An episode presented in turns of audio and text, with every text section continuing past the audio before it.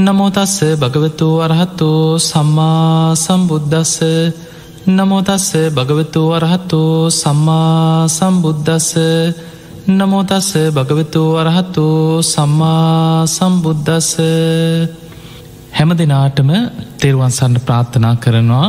අදත් ඔබ හැම දෙනෙක්ම ඔබේ ජීවිතයට වැදගත් ධර්මකාරණා රැසක් ශ්‍රවණය කරන්න බොහොම සද්ධාවෙන් ධර්මශ්‍රවනයට සූදානන් වෙච්ච මොහොත. ඔබ හැම දෙනාටමත් ධර්මශ්‍රවනය කරන ලක්වාසී ලෝවාසී හැම දෙනාටමත්. මේ උතුම් ධර්මශ්‍රවන මේ පිනත් ධර්මාවබෝධය පිණිසම උපකාරවෙන නිවන්දොරටුවක් බවට පත්වේවා කිලපි ඔබට ආශීර්වාද කරන. පිංහතුනේ මහානාම කියල සාක්‍ය කුමාරෙක් ගැන දේශන රැසක් බුදුරජාණන් වහන්සේගේ දේශනාතර සඳහන් වෙනවා. මේ මහානාම කියන සාක්‍ය කුමාරය. අපේ බුදුරජාණන් වහන්සේ නීග්‍රෝධාරාමේ වැඩයින් නැද්දි. තමන් වහන්සේගේ උපන් ගම තමයි කපිල වස්තුපුර නීග්‍රෝධාරාම පිහිටි. සාක්‍ය වන්සේක ඥාතීන් තමයි උන්වහන්සේ වෙනුවෙන් මේ නීග්‍රෝධ කියන සාක්‍ය වන්සික කුමාරයට අයිති මේ භූමිය තුළ ආරාමයක් කරවලා එදා බුදුරජාණන් වහන්සේ තමන්ගේ ඥාති පිරිවර දකින්න පිටත් වෙලා සුද්දෝදන රජතුමාගේ ආරාධනය මත සාක්‍ය ජනපදයට වඩින අවස්ථාවි තමයි මේ ආරාමි බුදුරජාණන් වහන්සේ වෙනුවෙන් කරවලා සඟ සතු කරලා පූජා කරේ. අපේ බුදුරජාණන් වහන්සේ අවස්ථා කීපයක්ම මේ නීග්‍රෝධාරාම විහාරස්ථානී විටිං විට වැඩ ඉඳලා තියෙනවා. ඒ වැඩහිටිය අවස්ථාවල බුදුරජාණන් වහන්සේ මුණගැහෙන්න පැමිණෙන මේ මහානාම කියන සාක්‍ය කුමාරයා නිතර නිතර බුදුරජාණන් වහන්සේගෙන් විමසපු ධර්මකාරණා ගැන උන්වහන්සේ මහානාම සාක්‍ය කුමාරයට දේශනා කරපු දේශන රැසක් ත්‍රිපිටකේ තුළ මහානාම සූත්‍රය හැටියට සඳහන් වෙච්ච අවස්ථා රැසක් තියෙනවා. දවසක් මේ මහානාම කියන සාක්‍ය කුමාරයා බුදුරජාණන් වහන්සේගෙන් විමසනෝ ස්වාමීණී භාගතුන් වහන්ස මම ගිහි ජීවිතයක් ගත කරන කෙනෙ මට අඹු දරුව ඉන්න මන් රන්රිදී මුතුමැනික් පරිහරණය කරන මම කසී සලු පොරෝණවා කියෙන. මොකද ඒ කාලි තිබ වටිනාම සලු පිළි තමයි කසී සලු. එකන තමන් ජීවත්වෙන මේ කාමබෝගී ගිහි ජීවිතයේ ස්භාවය ශාක්‍ය කුමාරීක් ගැන බොහොම දනවත් රාජ කුමාරෙක් හැටියට ජීවත්වෙච්ච මහනාම සාක්‍ය කුමාරයා. ඒ වෙනකොට වෙළඳ පොලේ තිබිච්ච ඒ වෙනකොට මිනිස්ව අතර තිබ්බ රජවරු සිටුවරු පරිහරණය කරපු වටිනාම සලු පිළි. කසී සල්ලුවලින් මම ඇඳුම් හදාගෙන ඒව පරිහරණය කරන කෙනෙ. ක්‍රන්රිදී මුතුමැනික් මං පරිහරණය කරමින් ගිහි ජීවිතයක් ගත කරන කෙනෙ. එවිතරක්නේ මට අඹු දරුව ඉන්න. මං වෙලහෙල දාම් කරන මට ව්‍යාපාර්තියනවා. දැම් තමන්ගේ ගිහි ජීවිතයේ ස්භාවේ බුදුරජාණන් වහන්ස ඉදිරී කියලා හන ස්වාමීණි භාකෙතුන් වහන්ස මට බුදුරජාණන් වහන්සේ ගැන අප්‍රමාණ සද්ධාවක් හිතේ තියෙනවා. මම සීලාදී ගුණධර්ම ආරක්ෂා කරගෙන ජීවත්වෙනවා. හැබැයි ස්වාමීණී භාකෙතුන් වහන්ස මේ මනුස්්‍යයන් එක්ක ගණු දෙනු කරනකොට වෙලහෙළ දාම් කරනකොට නගරේ ගමම් බිමං යනයනකොට රාගි ඇවිස්සෙන සිදුවීම් සිදුවෙනවා. පාර යනයනකොට සමහරලාට රාග සහිත දර්ශන දකින්න ලැබෙන. එතකොට මගේ හිතේ කෙලෙස් ඇවිස්සිලායින අවස්ථාවෙනවා. ඒවිතරක් නෙමේ ස්වාමීනී භාකතුන් වහන්ස මේ මග තොට යනකොට වෙලහෙළදාම් කරනකොට මිනිස්සු එක්ක ගණු දෙනු කරනකොට දවේශය ඇවිස්සෙන වෙලාවල්ලනවා. මිනිස්සුත් එක්ක කටයුතු කරනකොට තරහ යනෝ කේන්ති යනවා. සමහලාට රණ්ඩු සරුවල්වල පැටලෙන සිද්ධ වෙනවා. එතකොට මේ වගේ වෙලාවක කොච්චර හොඳට හිටියත් සමහරලාට ඇගට මේන රණ්ඩුවට මේන මිනිස්සුත් මුණ ගැහෙනවන්. අන්නේ වගේ අවස්ථාවක මගේ හිත දවේශෙන් යටපත්වෙනවා. ස්වාමීනී භාකතුන් වහස මේ වගේ රාග දවේශමෝ හැවිස්සිච්ච වෙලාවක. හදිස්සී හරිමං මහපාරි හරි වෙලහෙළදාම් කරනකොට හරි ගමනබ්බිමනක් යනකොට හරි කොයි මොහොතකොහෝ මගේ මරණය සිද්ධ වෙන්නත් පුළුවන්. එවැනි වෙලාවක මගේ හිතේ තරහක් බේෂයක් වෛරයක් ඇතිවෙච්ච වෙලාවක මං මැරුණුත් මං කොහේ උපදීද කියල මට බයක් ඇති වෙන. එනිසා ස්වාමීනී භාක්‍යතුන් වහස මට කවදා කොතන කොයි මොහොතේ මරණයට පත් වනත්. ඒ කාන්තයෙන් සුගතිය උපදින්න මට අවශ්‍ය කරන ගුණධර්ම මොනවද මන් දියුණු කර යුතු කරුණු මොනවද කෙර බුදුරජාණන් වහන්සේගෙන් විමසනවා. මහනාම සාක්‍ය කුමාරය තවදුරටත් මේ කාරණය විස්තර කරල බුදුරජාණන් වහන්සේට දේශනා කරද්දි කියනවා ස්වාමීණී මම නගර යනකොට කුලප් වෙච්ච ඇත්තු මට මුණ ගැහෙනවා. කුලප් වෙච්ච අස්සු අස්ස රත ඒ කාලේ අද වගේ යානවාහන තිබේ තිබේ අස්වරත්ත ගොන්නු බැඳපු කරත්ත සමහරු ඇත්තු පිට යනවා මහා දනවත්තු. එතකොට මේ වගේ යානවාහන තමයි මිනිස්සු ඒ කාලෙ පරිහරණය කරේ කරත්ත අස්වරතාදී. එදකොට මේවෑ බැඳලඉන්න මේ සත්තු කුලප්පු වෙච්ච වෙලාවක. මේ වගේ සතෙක්ගෙන් අනතුරක් වෙලා මට මගේ ජීවිතේ මහපාරි නැතිවෙන්නත් පුළුවන් කියන. එවැනි වෙලාවක බයක් තැතිගැනීමක් කෙලෙස් තරහක් වෛරයක් හිතට ඇතිවෙච්ච වෙලාවක මං මැරුණොත් මං කොහේ උපදීද කියලා මට බයක් ඇතිවෙනවා. ඒ නිසා ස්වාමීණී භාකතුරන් වහන්ස කවදක් කොත්තන කොයි මොහොතෙ මැරුණත්. ඒ කාන්තයෙන් සුගතිය උපදින්න මං දියුණු කරගත යුත්තේ මොනවගේ ගුණ ධර්මද කියල තමයි මේ මහානාම සාක්‍ය කුමාරය බුදුරජාණන් වහන්සේගෙන් විමසන්න.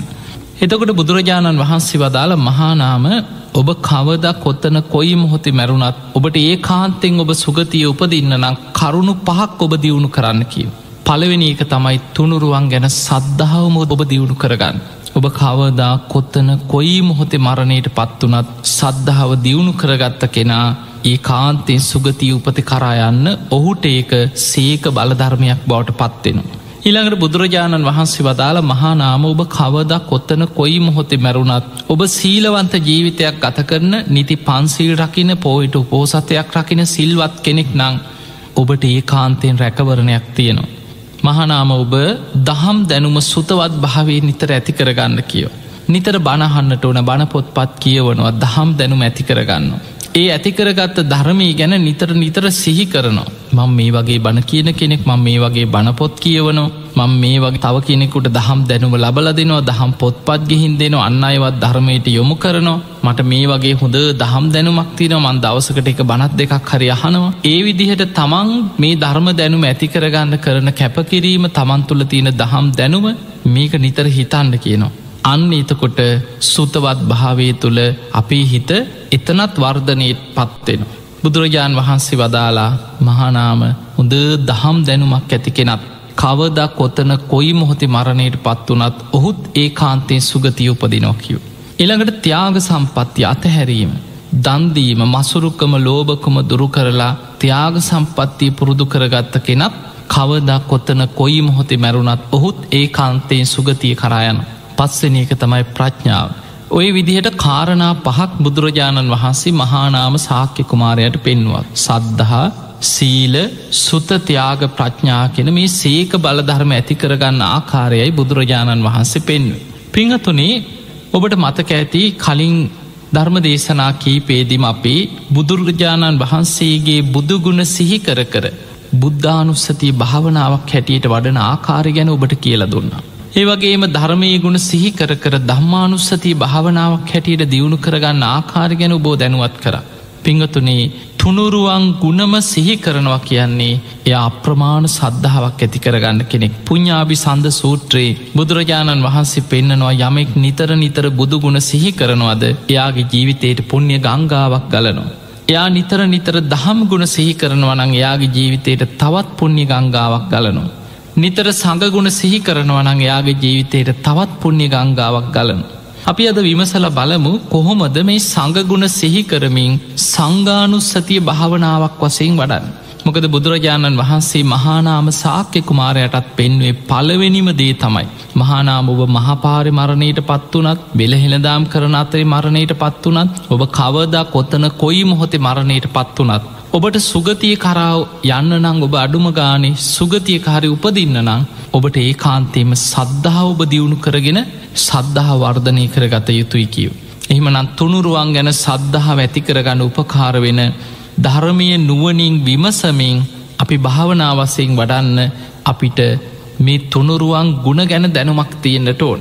බුද්ධානුස්සතිය ගැන අපි කතා කරා ඉති විසෝ භගවාරහන් සම්මා සම්බුද්ධෝ කියලක් පාලිං ඕක කියාගෙන ගියාට ගාථාව කීයෙන් කී දෙනාටද මේ අර්ථය ගැන දැනුමක් ඇතුව මේ තුනුරුවන් ගුණ සජ්්‍යහයනා කරන්න. හිළඟට සමහරු ධර්මී ගුණ ස්වාක්කාතෝ භගවතා දම්මෝ සන්දිිත්තිකෝ කියලා ඔයි ධර්මී ගුණ පාටය ඔබ කියන්න දැනගත්තට එහි තියෙන අර්ථය මොකක්ද මේ ධර්මී තියෙන ගුණය කියලා දන්න ඉතාම සුළු පිරිසයි. එනිසා පිංහතුනේ සඟගුණ ඔබේ ජීවිතය තුළ තුනුරුවන් ගැනම සද්ධාව ඇතිවෙන්න නං මේ සංග කියන කොටස ගැන බුදුරජාණන් වහන්සේගේ ධර්මී තුළින් හොඳ දැනුමක් තියෙන්ට ඕන. එම නැත්නං සමහරලාවට සිවුරු දරාගෙන ඉන්න සිවුරට ගැලපෙන් නැති ක්‍රියාවන් නොලේ දෙන යම් යම් පැවිදි වෙස් දරාගත්ත පිරිස් ඉන්නවා සමහලාට ඇත්ත පැවිද්ද නොවෙන්න පුළුවන්. හැබැයි ඔවුන්ගේ ක්‍රියාකාරකම් දිහා දැකල කෙනෙකුට හිතන්න පුළන් අයූ බුදුහාදුරන්ගේ ශාවකයෝ මෙහෙමද මේ හාමුදුරුවරු මෙහෙමද. එහෙම හිතලා සමහරු සමස්ත සංඝයා ගැනම බුද්ධ ශාසනය ගැනම සමහර වෙලාවට කල කිරෙනවා.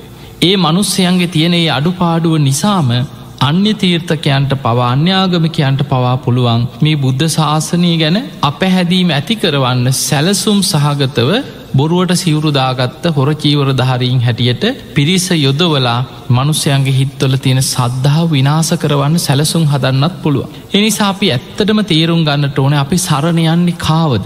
අපි මේ සංගන් සරණං ගච්ඡාමි කියල වන්දනා කරන්නේ කාටද. ඒ උතුම් ආර්ය ශ්‍රාවකයන් තුළ තියෙන මොනවගේ ගුණ ඇන්ත. අපි චුට්ටක් විමසල බලමු බුදුරජාණන් වහන්සේ දේශනා කරනවා සුපටි පන්නෝ භගවතෝ ශ්‍රාවක සංගු. අන්න එතන තියෙනවා භගවතෝ ශ්‍රාවක සංගෝ භාකයුතුන් වහන්සේගේ ශ්‍රාවක සංඝයා සුපටි පන්නයි අන්න පලවෙනි ගුණේ. ඉළඟට උජුපටි පන්නෝ භගවතෝ ශ්‍රාවක සංගෝ. බුදුරජාණන් වහන්සේගේ ශ්‍රාවක සංඝයා උජු පටි පන්නයි.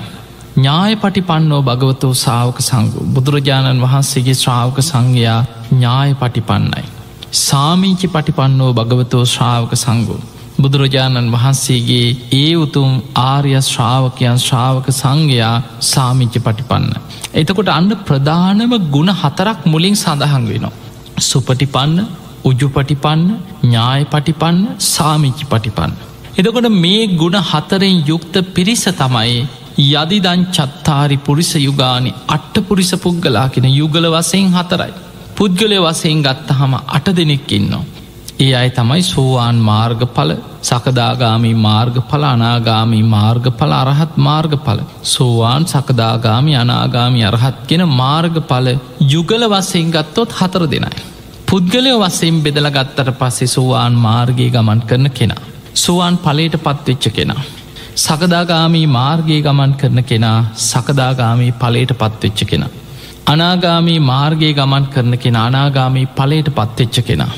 අරහත්තේ පිණිස මාර්ගයේ වඩන කෙන අරහතන් වහන්සේලා.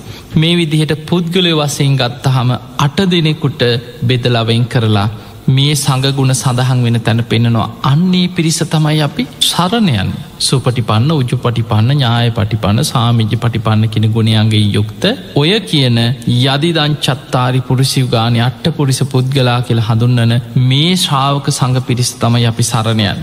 පිංහතුනී බුදුරජාණන් වහන්සේගේ මේ ශ්‍රාවක සංඝයා ගැන ධර්මයේ සඳහන් කරනවා උන්වහන්සේගේ ශ්‍රාවක සංඝයා සුපටි පන්න සුපටි පන්න කැන රාග දවේශ මෝහ ප්‍රහාණය කරන්න මහන්සිගන්න පිරිසක්. අන්න බුදුරජාණන් වහන්සේගේ ශ්‍රාවක සංඝයාගේ හැම වෙලායි මේ අයගේ අරමුණ උත්සාහය කැපකිරීම රාග දවේශ මෝහ කියන කෙලෙස්හුන්ගේ මිදීම පිණිස වීරිය වඩන පිරිසක්. කෙලෙස් ප්‍රහාණය කරන්න උත්සාහ ගන්න පිරිසක්. ඒ නිසා අපි කියන්නේ සුපටි පන්නෝ. භගවතු ශ්‍රාවක සංගු භාග්‍යතුන් වහන්සේගේ ශ්‍රාවක සංඝයා රාගේ ප්‍රහාණී කරන්න මහන්සිගන්න. දවේශයේ ප්‍රහාණී කරගන්න මහන්සිගන්න. මෝහය නැමතිමේ අවිද්‍යාව ප්‍රහාණය කරන්න මහන්සිගන්න. එවැනි ශ්‍රාවකයන් තමයි සුපටි පන්න කෙන ගුණෙන් ධර්මය හඳුන්නන්න. ඊළඟට උජු පටිපන්නෝ භගවතෝ ශ්‍රාවක සංගෝ කියන බුදුරජාණන් වහන්සේගේ ශ්‍රාවක සංඝයා උජු පටිපන්නයි. එතන උජුපටි පන්නයි කියන්නේ උජු මාර්ගය නම් වූ ආර්යෂ්ඨායික මාර්ගයේ ගමන් කරන පිරිසක් කියන. අපි ආර්යෂ්ඨායික මාර්ගයටම තමයි ගැන උජු මාර්ගය නම් වූ ආර්යෂ්ඨායික මාර්ගය. අන්නේ රුජු මාර්ගය නම් ආර්යෂ්ඨායික මාර්ගයේ ගමන් කරන. සීල සමාධි ප්‍රඥා වඩමින් මේ මාර්ගයේ දියුණු කරන මාර්ගයේ ගමන් කරන පිරිසක් බුදුරජාණන් වහන්සේගේ ශ්‍රාවකයන්. එනිසායි අයට කෙන උජු පටිපන්න. ඉළඟට ඥාය පටිපන්න කියල කියන්නේ ධර්මාවබෝධයේ පිණිස ප්‍රඥාව ඥානය දියුණු කරන පිරිසක්. ධර්මාබෝධයේ පිණිස සීල සමාධි ප්‍රඥා වඩනවා.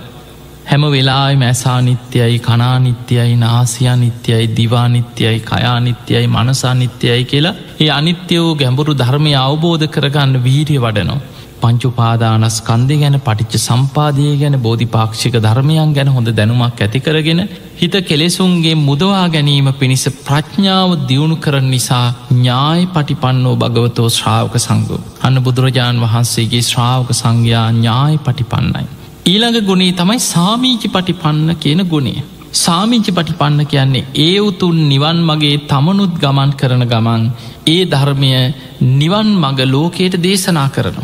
බුදුරජාණන් වහන්සේගේ ශ්‍රාවක සංඝයා ඒ නිවන් මග ලෝකයට කියා දෙමින් තමනුත් ඒ ධර්ම මාර්ගි හැසිරෙන්. ඒ නිසා උන්වහන්සේලාට කියෙන සාමීච්චි පටිපන්නෝ භගවතුස් ශ්‍රාවක සංගු භාගතුන් වහන්සේගේ ශ්‍රාවක සංඝයා සාමීචි පටිපන්නයි කියල්. එතකොට බලන්න සුපටිපන්න ගැන රාගදවේශ මෝහ ප්‍රහාණය කරන්න මහන්සි ගන්න. උජුපටි පන්න කියලා කියන උජු මාර්ගයේ නම් වූ ආර්යෂ්ඨායික මාර්ගයේ ගමන් කරන. ඥාය පටිපන්න කියන්නේ චතුරාරි සත්‍ය අවබෝධී පිණිස ප්‍රඥාව දියුණු කරනවා. සාමීචි පටිපන්න කියලා කියන්නේ බුදුරජාණන් වහන්සේගේ ශ්‍රාවකයන් අවබෝධ කරගන්න ධර්මය ඒ ඉගෙන ගන්න ධර්මය අන්න අයටත් කරුණාවෙන් ලෝකෙට දේශනා කරමින් ඒ දහම් මග ලෝකයට දේශනා කරනවා. මෙන්න මේ ගුණ ඇති ශ්‍රාවකයන් තමයි යදිදං චත්තාරි පුරිස යුගානි අට්ට පුරිස පුද්ගලා කියලා අපි හඳුන්නන්. යුගල වසයෙන් ගත්තොත් හතරයි. පුද්ගලය වසයෙන් ගත්තොත් අට දෙනයි. එතකොට ඒ ශ්‍රාවකයෝ ගැන බුදුරජාණන් වහන්සේ තවත් දේශනා කරන අයි අය ආහුනීයයි. ආගන්තුකයන් වසයෙන් වැඩම කරාට පස්සේ දම්පින්කං කරන්න සුදුසු ඒ අයට ඇප උපස්ථාන කරන්න ආගන්තුක දානයක්. අන්න ආරංචි වෙනවා අසවල් ගමට අනේ ස්වාමීන් වහන්සේල පිරිසක් වැඩම කරල්. මේ ධර්මමාර්ගය හැසිරෙන භික්‍ෂූන් වහන්සේලා පිරිසක් අන්න වැඩියල්. එතකොට ඉක්මනින් සිව් පසයෙන් දාන ටිකක් හදල දානේ වැළඳුවද ගිලම් පස වලඳලද ඉන්නේ ඒ ගැන හොයලා බලලා සිව් පසයෙන් ඇප උපස්ථාන කරන්න සුදුසුයි. එතන සිව් පසේ ගැන චීවර පින්ඩ පාත සේනාසන ගිලම් පස. ලෙඩත් දුකක් තිය නොනම් බෙහෙත් හෙට්ටි කරන් දෙන්න සුදුසුයි. ඒ අයට ඒ තියන ලෙඩරෝගවලට උදව්පකාර කරන්න සුදුසුයි. ඊළඟට දානේ ලැබිල නැත්නම් දාන ටික සකස් කරලා දීල දානේ පූජා කරලා ඒ විදිහට පින්ට හම් රැස් කරගන්න සුදුසුයි. ඊළඟට තමන්ට අඳන්න සිවුරු තියෙනවාද කියලා හොයලා බලලා. චීවර පූජා කරගන්න. වැඩ ඉන්න කුටියක් තියනවා දේක මොනවද තියෙන අඩුපාඩු කියල හොයලා බලලා ඒ සඳහා උපකාර කරන්න සුදුසුයි. අන්නේ නිසා බුදුරජාණන් වහන්සේගේ ශ්‍රාවකයන් ආගන්තුකිමකද උන්වහන්සේලා ගමින් ගමට නගරින් නගරයට එදා වැඩම කරමින් තමයි මේ උතුම් ධර්ම ප්‍රචාරයක් සිදු කරගෙන ගිය. එතකොට බුදුරජාණන් වහන්සේගේ ශ්‍රාවකයන් මෙන්න මේ හේතුව නිසා ගමකට වැඩම කරාට පස්සේ ආගන්තුක දන් දෙන්න සුදුසුයගෙන පාහුනේය.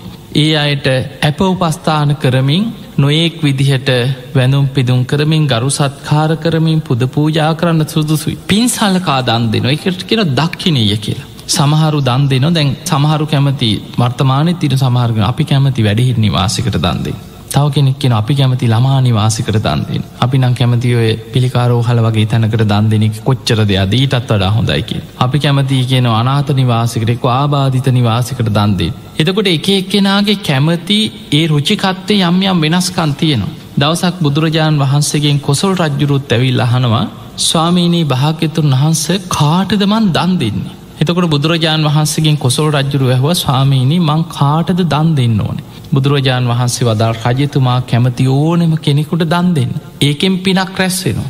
එතකොට යම් කිසි කෙනෙක් දාන් සතෙකුට දුන්නත් ආත්ම සීයක් රැස්වෙනෝ කෙන පින. සංසාරි උපෝපං ආත්ම භාවල ආත්ම සීයක් යනකං ආයු වරණ සැප බල ප්‍රඥාදී සැප සම්පත් විපාක දානමේ පිනේ විපාක හැටියට තමන්ට ලැබෙනවා. ඊළඟට දුස්සීලවේවා මිත්‍යාදෘෂ්ටිකයෙක් වේවා අසරණ හිඟන මනුස්සේ ගැන හිතන් කවුරු හෝ කොසගින්න ඉන්න කියලා ආහාර ටිකක් ඉල්ලනවා. බඩකින්න කුසගින්න නිවාගන්න ඔබ ආහාර ටිකක් දුන්නොත් ආත්ම දාහක් කානිසංස ලැබෙන පිනක් කියනවා. ඊළඟට යමෙක් අන්‍යාගමික වුණා සීලවන්තයෙක් නං ආත්ම දස දහසක් කානිසංසයි.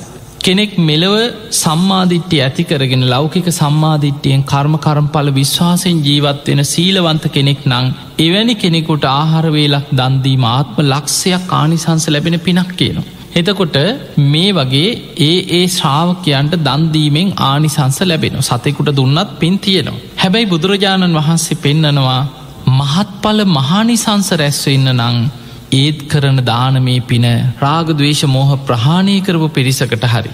රාගදවේශ මෝහ ප්‍රහාණය කරන්න මහන්සි ගන්න පිරිසක් වෙනුවෙන් හරි දන් දෙන්න කියන. කොසල් රජ්ජුරුව දැම් පලවෙනි ප්‍රශ්නයට උත්තරේ ලැබුණේ බුදුරජාණන් වහන්සේ වදල් රජතුමා කැමති ඕනම කෙනෙකුට දන් දෙන්න කිය. ඊළඟට මේ රජ්ජුරු ආයමත් අහන වනි ස්වාමිනි භාකතුන් වහන්ස කාට දුන්නොද්ද මහත් පල මහානි සංස වෙන්නේ හෝ. එතනති බුදුරජාණන් වහන්සේ වදාල් රජතුමනි මහත් පල මහානි සංස වෙන්න නං.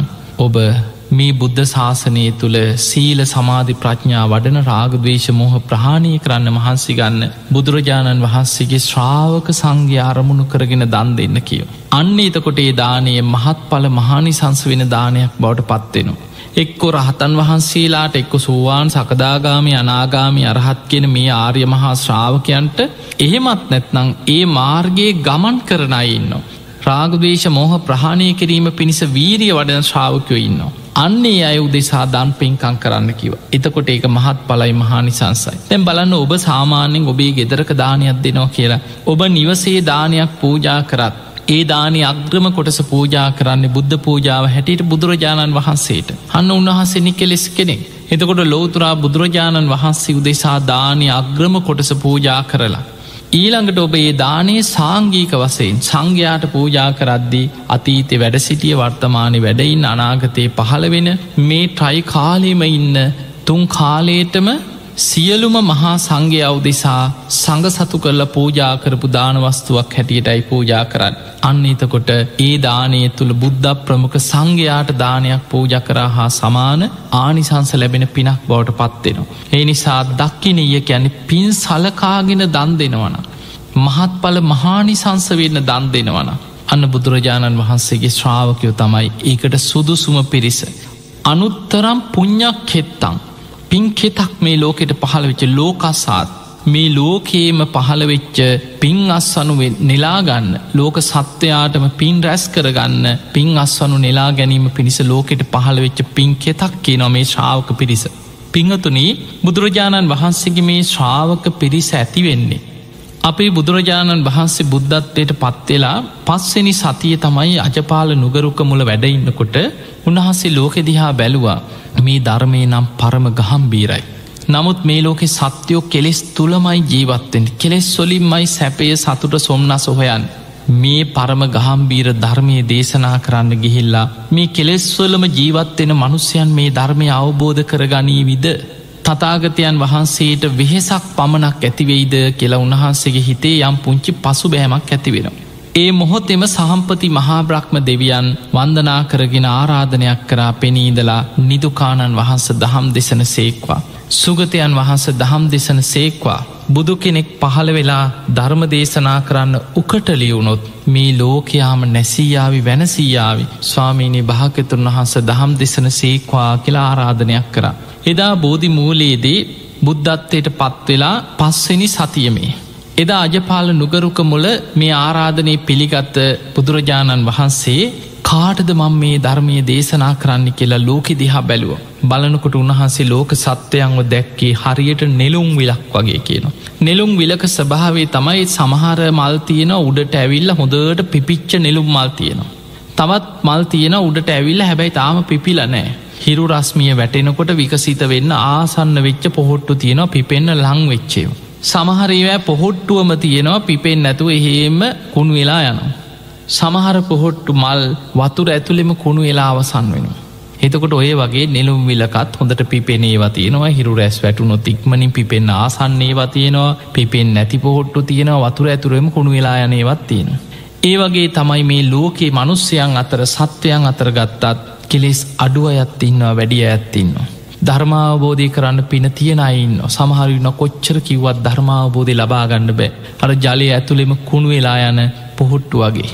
බුදුරජාණන් වහන්සේ එදා මේ ලෝක සත්‍යයන්ගේ ස්වභාවය බුදු ඇසින් දැකලා උදානයක් පල කරා උන්වහන්සේ දේශනා කරනවා කෙලෙස් අඩු අය වැඩි අයින්න අල්පර ජක්ක මහරජක්ක. හැබැයි ඒ අය අතර භවිස්සන්ති ධම්මා සංඥාතාරුව අවබෝධ කරගන්න අය පහළ වෙනවා. අස්සවනතෝ ධම්මස්ස පරිහායන්ති කියනවා. හැබැයි මේ බණටි අහන්න නොලැබුණොත්. ධර්මය අහන්න නොලැබුණොත් අවබෝධ කරන්න පිනතියෙනයටත් ඒ අවස්ථාව නැතුව පිරිහිලා යනවා. ඒ නිසා ඔන්න තතාගතයන් වහන්සේ ලෝකෙට දහම් ගඟ විවර කරනවා කියලා උන්වහන්සේදා උදානයක් පවා පල කරලා තමයි සත් සතියේ හයවෙනි සතිය මුචලින්ද විලාසර හත්වනි සති රාජායතන කිරිපලරුකමුල මේ සත් සතියම අවසන් වෙලා තමයි උන්වහන්සේ ඉසිපතන මිගදායට පිටත් එන්නේ පස්සක භික්‍ෂූන් වහන්සේලාට අවබෝධ කරගත් ධර්මය දේශනා කරන්න. එදකොට උන්වහන්සේ බෝධිමූලයේදී බුද්ධත්වයට පත්වීමත් සමගමයි මේ ලෝකෙට බුද්ධ රත්නය පහළවෙන්.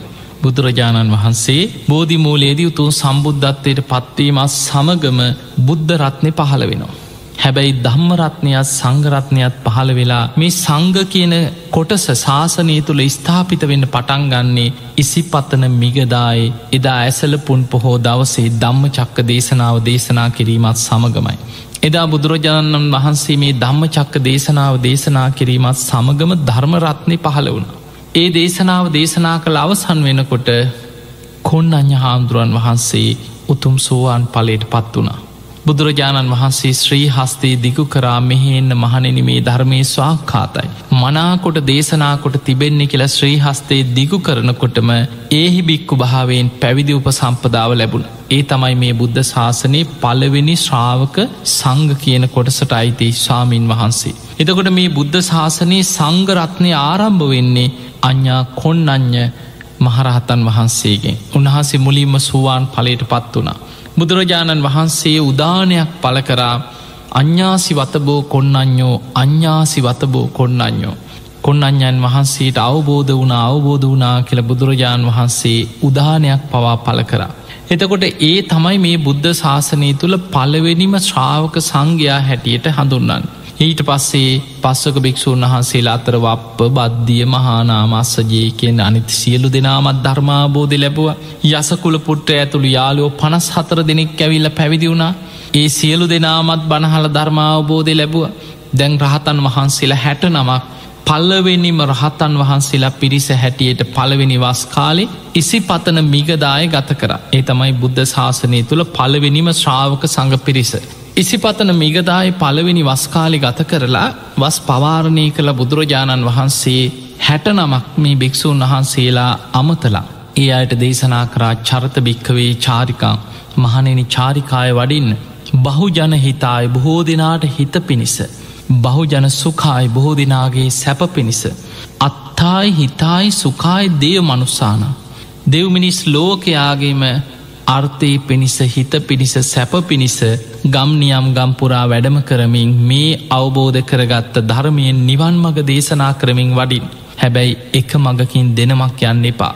එතකොට තවත් ප්‍රදේශයකට මේ ධර්මය ව්‍යාප්ත කරන්න තියෙන අවස්ථාව මගහැරිලා යනවා. ඒ නිසා එක මගකින් එක නම බැගින් වඩින්. මගතොටේ හම්බෙන සියලු දෙනාටම ඒ අය ධර්මයට ඇහුන්කන් දෙනවා නං ඒ අයට කියල දෙන්න ආදි කල්්‍යයානම් මජ්්‍යයේ කල්්‍යයානම් පරියෝසාන කල්්‍යයාන. මුල මැදාග පිරිසිදු සීල සමාධි ප්‍රඥාවලින් යුක්ත සාත්තං අර්ථ සහිත සභ්‍යාංජනම් පැහැදිල් ප්‍රකාශන මාධ්‍යකින් යුක්තව පාරිසුද්දම් බ්‍රහ්මචරියම් පකාසේති. ඒ අයට මේ පිරිසිදු නිවන් මගම දේශනා කරමින් වඩින්න කියලා හැට නමක් භික්‍ෂූන් වහන්සේලායිදා චාරිකාය පිටත් කර. ඒ තමයි මේ බුද්ධ ශාසනය පලවෙනිම රහතන් වහන්සේලා හැට නම ධර්ම ප්‍රචාරය පිණිස ධර්ම ප්‍රචාරී බුදුරජාණන් වහන්සේ විසින් පිටත් කරලයව. බුදුරජාණන් වහන්සේ එතනින් තනියම ගමන ආරම්භ කරා උරුවේල් දනව්වට. ඒ යන ගමනි තමයි මගදී තිංස වගේ කුමාරවරු මුණ ගැහෙන්නේ. මේ තිස් දෙනාම බනහලා ඒ අයත් මාර්ග පල් ලබල පැවිදි වුණ සමහරු සෝවාන් වනා සමහරු සකදාගාමන සමහරු අනාගාමය වුණ හැබැයි ඒ තිස් දෙනාගෙන් කාටවත් ඒ මොහොතේ රහත්වෙන්න බැරි වුණ. එතකොට මේ මාර්ගපල් ලබපු මේ පිරිසත් බුදුරජාණන් වහන්සේ චාරිකාය පිටත් කළ උන්වහන්සේ වැඩිය උරුවල් දනව්වට උරුවල් කාශ්‍යප නදී කාශ්‍යප ගයා කාශ්‍යප ඇතුළු දාහක් පිරිස දමනය කරන්න. මේ උරුවල් කාශ්‍යප නදී කාශ්‍යප ගයා කාශ්‍යප ඇතුළු දාහක් දෙෙන. බුදුරජාණන් වහන්සේ උරුවල් කාශ්‍යපගේ තාපසාරාමයට වැඩම කරලා බොහෝ ප්‍රාතිහාර පාල තමයි මේ අයව ධර්මයට හික්මෝල ගත්තේ. මොකද මේ අයි හිතාගෙන හිටිය තමන් රහතන් වහන්සේලා කියලා තමයි හිතාගෙනින්. බුදුරජාණන් වහන්සේගේ පෙළහර දැකලා ප්‍රාතිහාරි දැකලා උන්වහන්සේ ගීරදි ප්‍රාතිහාර දැකලා හිතනවා මේ ශ්‍රමණය නම් මහා පුදුම කෙනෙක්. මහා බල සම්පන්න කෙනෙක් මේ වගේ ප්‍රාතිහාරපාන කෙනෙක්. ඒ වනාට ඉතින් අපේ ගුරුවරය වගේ රහතන් වහන්සේ නමක් නොවෙයි කියලා. අන්න උරුවල් කාශපගේ ගෝලයෝ සියලු දෙනා හිතන් හිටියෙහෙමයි උරුවල් කාශපත් බලලා හිතනවා පෙළහර දැකලා මේ ශ්‍රමණය නම් මහා ඉරදිමතෙක් ඒ වුනාට මන්තරන්ට හතෙක් නෙමේ කියලා. තමන් තමයි රහ කියන දෘෂ්ටියේ තමයි උරුවල් කාශප ඇතුළු මේ පිරිසත් නදී කාශප ගයා කාශප ඇතුළු සියලු දෙනාම තමන් රහත් වනාගෙන දෘෂ්ටිය හිටිය. බුදුරජාණන් වහන්සේ විශාල ප්‍රාතිහාර ප්‍රමාණයක් දක්වලා එද්දාස් ගානක් පෙළහර පෑව කියලා විනේ පිටක තියෙනවා මේ පිරිස දමනය කරන්න. අවසානි බුදුරජාණන් වහන්සේ ඉදිරියේ මේ තමන් රහත් කියල දෘෂ්ටි දරාගෙන හිටිය උරුවල් කාශ්‍යප නදී කාශ්‍යප ගයා කාශ්‍යප ඇතුළු දාහක් දෙනා බුදුරජාණන් වහන්සේ ඉදිරියේ දමනය වෙලා. එදා බුදුරජාණන් වහන්සේ ආදිත්ත පරියාය කෙන සූට දේශනාවෙන් ඔවුන්ට දහම් දෙසවා. බනහල අවසන් වෙලා ඔවුන් සියලු දෙනාමත් උතුම් මරහත්තයට පත් වනා. ධර්ම දේශනාව අවසාන හිත කෙලෙසුන්ගේ මිදිල අරහත්වයට පත්වෙද්දි බුදුරජාණන් වහන්සේ ශ්‍රී හස්තේ දිගු කරා මෙහෙන්න මහනෙන මේ ධර්මය ස්වාක්කාතයි මනාකොට දේශනා කොට තිබෙන්. සසුන් බඹසර හැසිරෙන්න්න කියලා ශ්‍රී හස්තේ දිගු කරනවා. පිංහතුන මේක ඒහි බික්කු භාවෙන් පැවිදි උපසම්පදාව ලබනවා කියන්නේ හැම කෙනෙකුටම කරන්න පුළුවන් දෙයක් නෙවෙයි. එක බුදු කෙනෙකුට පමණක් කළ හැකි අසිරිමත්ම ප්‍රාතිහාරයක් හැටියටයි ඒහි බික්කු පැවිදි උප සම්පදාව ලැබෙන්. හැබැයි සමහර අවස්ථාවල අපිට දකිින් ලැබෙනවා බුදුරජාණන් වහන්සේ භික්‍ෂූන් වහන්සේලාගෙන් දැන් කෙනෙක් පැවිදි වෙන්න ආවහම අහන ඔබේ පාට්‍රසිවුරු සම්පූර්ණයි නෑ කියන. එහෙමනක් ගිහිල්ල ඒව හොයාගෙන එන්න කියන. සමහරයි බණහල අවසන් වෙනකොට බුදුරජාණන් වහන්සේම උන් දෙසට ශ්‍රීහස්තේ දිගු කරනවා මෙහෙන්න මහනෙන මේ ධර්මය ස්වාකාතයි මනාකොට සසුන් බඹසර හැසිරෙන්න්න කියලා ශ්‍රීහස්තේ දිගු කරද්දී. එහි බික්කු භාවෙන් පැවිදි උප සම්පදාව ඒ මොහොතෙම ඔවුන්ට ලැබෙනවා. අර හිසේ තියෙන කෙස් ඔක්කෝම ඉවත් වෙලා. ඇඳගෙන ඉන්න වශ්්‍ර අතුරු දහං වෙලා පාට්‍ර සිවුරු පෙරවිලා තමන් හැට වයස් පිරිච්ච මහා තෙරුන් වහන්සේ නමක් වගේ බුදුරජාණන් වහන්සේ ඉදිරියේ පෙනී නොපහළ වෙනවා.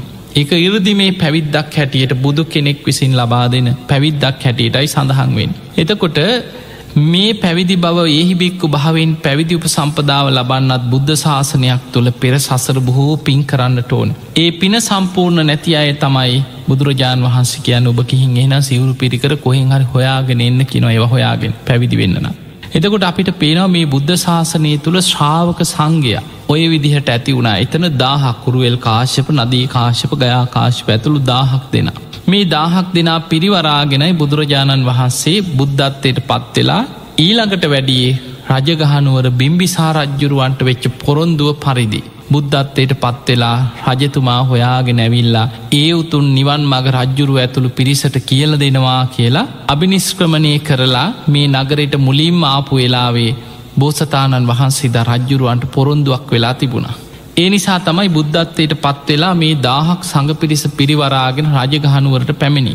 බිම්බිසා රජ්ජුරුවන්ට ආරංචි වුණා බුදුරජාණන් වහන්සේ විශාල සඟ පිරිසක් සමඟ තමන්ගේ රාජ්‍යයට වඩිනෝ කියල් රජ්ජුරු පුදුම සතුටට පත්වෙලා රාජකී මැති ඇමතිවරු ඥාතීන් එක්ක බුද්ධ ප්‍රමුඛ සංඝයා පිළිගන්න පෙර ගමන් ගිහිල්ල පිළිගත්. හැබැයි එදා බුදුරජාණන් වහන්සේ ළඟ ඉන්නවා උරුවල් කාශ්‍යප නදී කාශ්‍යප ගයා කාශ්ප ඒ ඇත් පැවිදි වෙලා. දැම් මේ අය රහතන් වහන්සේලා හැටියට තමයි එදා දඹදිව රජවරු සිටුවරු සියලු දෙනා අතර ප්‍රසිද්ධ වෙලා තිබුණේ. එතනදි තාම බුදුරජාණන් වහන්සේ ගැන දැනුමක් නැති නිසා බිම්බිසා රජ්ජුරු හිතනවා හිතෙන්. බුදුරජාණන් වහන්සේ උරුවල් කාශපගේ ගෝලයෙක් වෙලාද උරුවල් කාශප බුදුරජාණන් වහන්සේගේ ගෝලයෙක් වෙලාද. අර නදී කාශපත්තින්නේ නදී කාශප බුදුහාන්දුරන්ගේ ගෝලයෙක් වෙලාද නැත්නං ඔය කියන බුදුරජාණන් වහන්සේ නදී කාශපකි ගෝලෙක් වුණත් දන්නෑ කියල දැන් හිතනවා. ගයා කාශප ගැනත් ඒ විදිහටම හිතුව. බුදුරජාණන් වහන්සේ මේ රජ්ජුරුවන්ගේ සිතුවිල්ල දැකලා උරුවල් කාශප නදී කාශප ගයා කාශප කියන මේ මහරහතන් වහන්සේලා දෙසට හැරිලා. කියනවා රජ්ජුරුවන්ගේ සැකය දුරු කරන්න ඔබට කාලයයි කිවෝ. ඒ මොහොතෙම ස්වාමීණී භාකතුන් වහන්සේට අපගේ නමස්කාරය වේවා කියලා නැගීඳල වන්දනා කරලා තල් ගහක් තරං ඉහල අහසට පැනනැගල අහසේ පෙළහර පාල බුදුරජාණන් වහන්සේට අහසීදං වඳනවා සත්තා මේ භගවා භාග්‍යවතුන් වහන්සේ මයි මගේ ශාස්තෘන් වහන්සේ ශ්‍රාවකෝ හමස්මි මං ඔබහන්සේගේ ශ්‍රාවකයෙක් විතරයි. භගවා ජානාති බුදුරජාණන් වහන්සේ තමයි සියල්ල දන්නේ. අහන්න ජානාමි මම නිවන ගැන සංසාරය ගැන මම දන්න දෙයක් නෑ බුදුරජාණන් වහන්සේගෙන්මයි මම ඉදේ දැනගත්ති කියලා අහසි දං වන්දනා කර. ඊළඟට තල්ගස් දෙකක් තරං ඉහල ඉදං වන්දනා කර තල්ගස් තුනක් තරං හතරක් තර. මේ විදියට හත්වාරයක් ඉහලට ඉහලට පැනනැකල අහසීනම් බුදුරජාණන් වහන්සේට වන්දනා කරන්නට යෙදුනා. අන්න එතනදි තමයි රාජකයේ පිරිස ඇතුළු බිම්බිසා රජ්ජුරු ඇතුළු සියලු දෙනා දැනගත්තේ බුදුරජාණන් වහන්සේමයි මේ පිරිසේ ශේෂ්ඨම කෙනා. හුරුවල් කාශප නදී කාශප ගයා කාශප ඇතුළුමිය ඔක්කොම බුදුරජාණන් වහන්සේගේ ගෝලියෝ වෙලා කියල දැනගත්තා. එදා බුදුරජාණන් වහන්සේ දහම් දෙසද්දී ඒ භූමියේ බණහල බිම්බිසා රජතුමා ඇතුළු රාජකය පිරිසගෙන් බොහෝ දෙනෙක් මාර්ග පල්ලබල සෝවානාදී මාර්ග පලවලට පත් වුණ. එදා තමයි බිම්බිසා රජ්ජුරුව තමන්ගේ රාජකය උයන වේලු වන උයන බුද්ධ ප්‍රමුඛ සංඝයාටම සඟ සතු කළ පූජා කළ ආරාමයක් කරවල පූජා කරන්නට ඒතුන්. දැන් ඔන්න බුද්ධ ශාසනය තුළ ඔය කාල වෙනකොට දාහක් රහතන් වහන්සේලා සමගයි බුදුරජාණන් වහන්සේ වේලු වනේ වැඩ හිටිය. ඊට ටික දිනකට පස්සෙ තමයි. අර මුලින්ම චාරිකාය පිටත් කරපු හැට නමක් මහරහතන් වහන්සේලා අතර හිටිය පස්සක භික්‍ෂූන් වහන්සේලා. ඒ අතර අස්සජී මහරහතන් වහන්සේ එක ප්‍රදේශයකට දැන් තනියෙන්න්න වඩින්නකි ගම්නියම් ගම්පුරා හැට නමක් චාරිකාය පිටත් කරේ තනි තනියෙන් යන් අස්සජී මහරහත්තන් වහන්සේට තමයි උපතිස්ස කියන තරුණයක් මගදි මුණගැහෙන්. ඒ දම්මා හේතු පබවා කියන ගාථාවෙන් පද දෙකක් අහලා සුවාන් පලට පත් වුණා.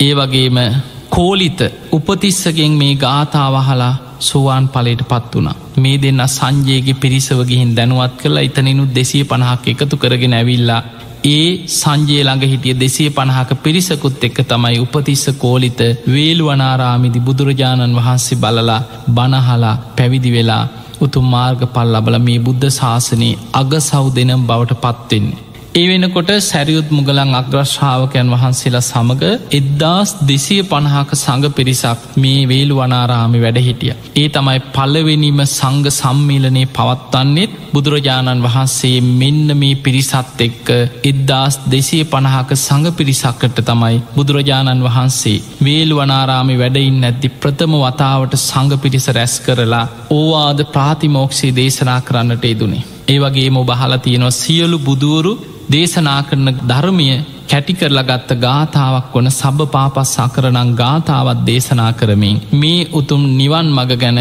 බුදුරජාණන් වහන්සේ මුලින්ම සංඝයාට සංඝ සම්මීලනයක් පැවැත්තුවේ ඔය විදිහට එද්දාස් දෙසිය පනාක සඟ පිරිසක් එකතු කරලා. ඔය විදිහට ව්‍යාප්ත වෙලා ගිය මේ සංඝ පරපුර කාලයක් යනකොට ලක්ස ගණනින් භික්‍ෂූන් වහන්සේලා මුළු දඹදිව පුරා ගම්නියම් ගම්පුරා ආරාම සෙනසුන් බිහිවෙමින් ව්‍යාප්ත වෙනට පටන්ගත්. අද මේ වෙනකොටත් ලෝකෙ බොහෝ රටවල්වල මේ සඟ පරපුර ව්‍යාප්ත වෙලා.